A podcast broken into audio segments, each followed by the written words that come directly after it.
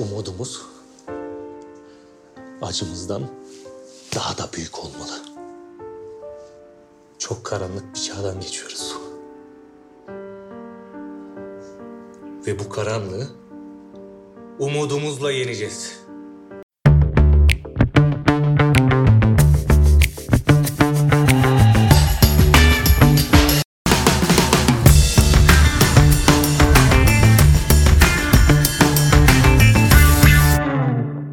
Herkese yeniden merhaba arkadaşlar. Bölümler arasındaki süre biraz uzun olmuş olabilir farkındayım ama size daha önce de söylediğim gibi bu benim için sorumluluk duygusu değil de sadece hobi olduğu için hani ne zaman kendimi iyi hissedersem o zaman bir şeyler yapmaya çalışıyorum. Yani kendimi bunaltmadan hani iyi bir e, içerik hazırlamaya çalışıyorum. O yüzden kusura bakmayın fazla. Şimdi bugün nelerden bahsedeceğiz? Bugün sizlerle insan ve insanın insan etkisinden bahsedeceğiz. Bu ne mesela? Ben alt başlıkları hemen söyleyeyim size. Pygmalion etkisi var mesela. Kirpi teorisi var. E, Pygmalion etkisinin tersi var. Yani bunun gibi şeylerden bahsedeceğiz. O zaman başlayalım yavaştan. Pygmalion etkisi nedir? E, önce Pygmalion'ın isim olarak nereden geldiğini söyleyeyim. Pygmalion antik bir hikaye arkadaşlar.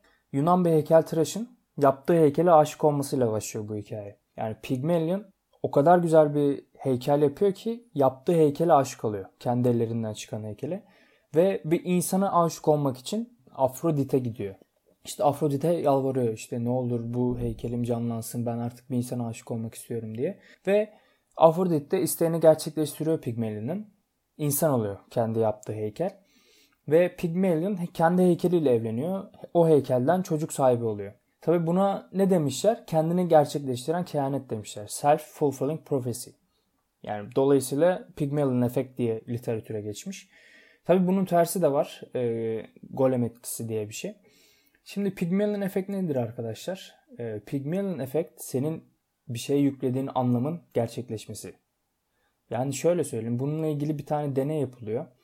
Deneyde e, deney sahipleri rastgele öğrenci seçiyorlar bir sınıftan ve diyorlar ki öğretmene hocam diyorlar bu öğrenciler üstün zekalı. Ama hiçbir teste tabi tutmadan sadece kendi kafalarına göre e, rastgele bir biçimde seçiyorlar öğrencileri. Öğretmenler de bunu öğrenince tabi o şeylerin gerçekten üstün zekalı olup olmadığı bilinmiyor. Öğretmenler bunu öğrendikten sonra çocukların üstün zekalı olduğunu yani sözde o çocuklara daha fazla ilgi göstermeye başlıyorlar çocuklarla daha fazla ilgileniyorlar. Hani üstün zekalı olduklarını düşündükleri için. İşte sen bunu yaparsın, başarırsın, daha fazla teşvik edici, pohpohlayıcı sözler söylüyorlar. Tabi aradan biraz zaman geçiyor. Bakıyorlar ki söyledikleri çocuklar gerçekten de diğerlerine nazaran daha başarılı olmuş derslerinde. Yani diyorlar demek ki neymiş? Biz insanların davranışlarını etki edebiliriz. Hani belli bir şeye inandırırsak e, hedef kitlemizi onları harekete geçirip o başarıyı elde edebiliriz diyorlar. Dolayısıyla buna da kendini gerçekleştiren kehanet demişler. Yani bir şeye inanıyorsunuz. Yani bu mesela ailede uyarlayabiliriz. Mesela varsayalım ki bir tane ailede 5 tane çocuğu var ailenin ve aile sahibi işte anne baba bu 5 çocuktan sadece bir tanesini kayırıyor. Yani diyor ki işte sen yaparsın diğerlerine göre daha zekisin. Bir süreden sonra o kendine fazla anlam yükleyip daha fazla başarma duygusu içine giriyor ve diğerlerine nazaran daha başarılı olduğunu gözlemleyebiliyorsunuz. Peki filozoflar ne demiş bu konu hakkında? Yani Jacques Buse diye bir filozof var. Demiş ki zayıflıkların en büyüğü demiş zayıf görünmekten korkmaktır. Yani bundan neyi çıkarabiliriz? Zayıf görünmekten korktuğumuz zaman bilinçaltımız sürekli zayıflığı düşünüyor. Dolayısıyla zayıflığı düşündükçe kendi kendini yiyor ve zayıf duruyoruz. Yani bu da bir nevi kendini gerçekleştiren kehanet olmuş oluyor.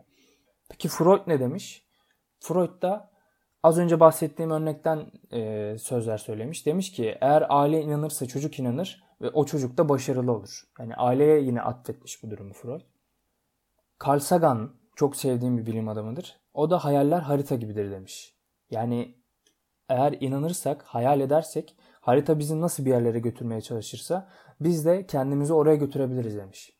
Yani bu bir nevi aslında nasıl bir şey? E, Secret diye bir kitap vardı. Okudunuz mu bilmiyorum ama evrene sürekli olumlama yapmayı üzerine düşünce göndermek diyeyim. Düşünce gönderin diyordu mesela. Her şeyin güzel olacağını inanın diyordu. Mesela şöyle bir örnek vereyim. Mesela ben başarısız olmayacağım demek yerine ben başarılı olacağım demeyi seçin diyor. Hani hiçbir şeyi olumsuz anlamda kullanmayın diyor. Başarısız olmayacağım. Hani sonu olumsuz bir cümle olduğu için başarılı olacağım kelimesini seçin diyor. Hani aslında bir nevi bunun gibi şeyler. Yani kendini gerçekleştiren kehanette bunları söyleyebiliriz genel olarak. İşte dediğim gibi tersi golem etkisi. Golem etkisinde de sen bir insana yapamayacağını söylersen o insan başarısız oluyor. Yani mesela bir şey yapıyorsun.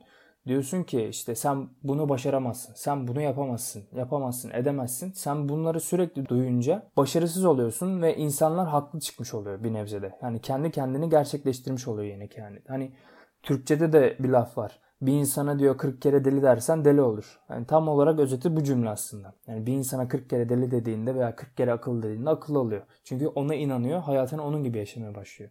Aslında baktığımızda bütün insanlar birbirine muhtaç ve bütün insanlar birbirleriyle etkileşim halinde.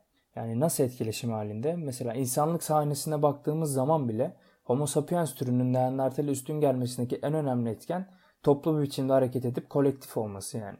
Yani düşüncelerini paylaşması ve birlikte hareket etmesi. Yani biz de birlikte hareket etmeye mecburuz yani bir şeyleri başarmak istiyorsak.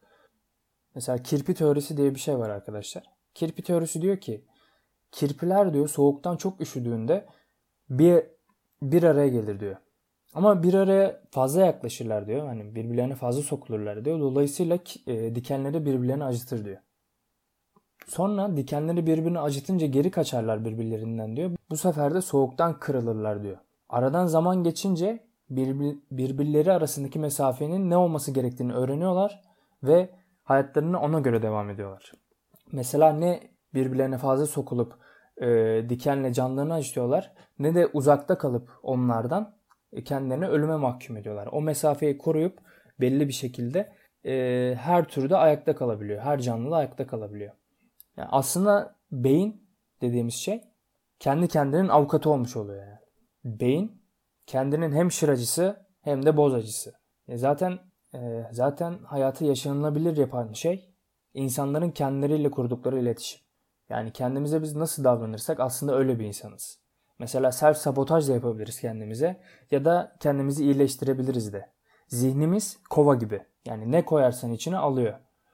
Yani mesela bir tane video vardı şu an tam olarak hatırlayamıyorum ama e, bir öğretmen geliyor sınıfa ve elinde bir kavanoz var. Kavanozun içine ilk önce büyük e, taş parçalarını koyuyor ve diyor ki bu doldu mu?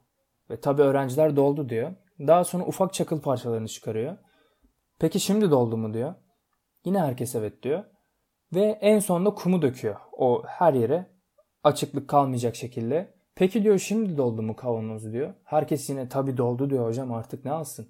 En sonunda da suyu döküyor. İşte diyor çocuklar her zaman siz kapasitenizden daha fazla alabilirsiniz. Önemli olan onları nasıl konumlandırdığınız diyor. Diyeceğim şu ki insanlar da her zaman doldu dediği anda daha fazla şey yapabilir, daha fazlasını alabilir. Hani hiçbir zaman yetinmememiz gerek bence. Hani insanlar ne derse desin. O kirpi teorisindeki gibi gelsinler, dikenlere batırsınlar önemli değil.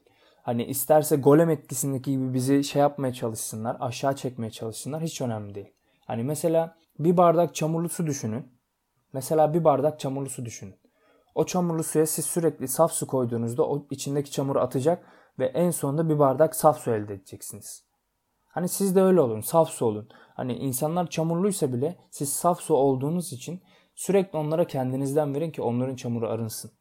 Yani ben bunları yapmaya çalışıyorum hayatımda. Bundan bir önceki bölümde de buna değinmiştim aslında.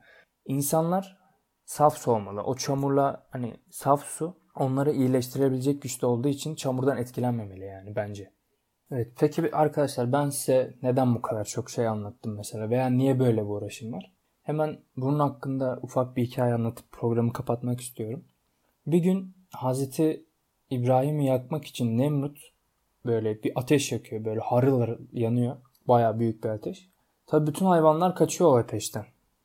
Bütün hayvanlar kaçınca böyle bir tane ufak karınca ağzında suyla birlikte ateşe doğru yürüyor. Tabi hayvanlar şok olmuş. Diyor ki ne yapıyorsun diyor. Ağzındaki suyla hani o ateş söner mi? Karınca da diyor ki biliyorum sönmez ama diyor en azından safımız belli olsun. Kendinize iyi bakın.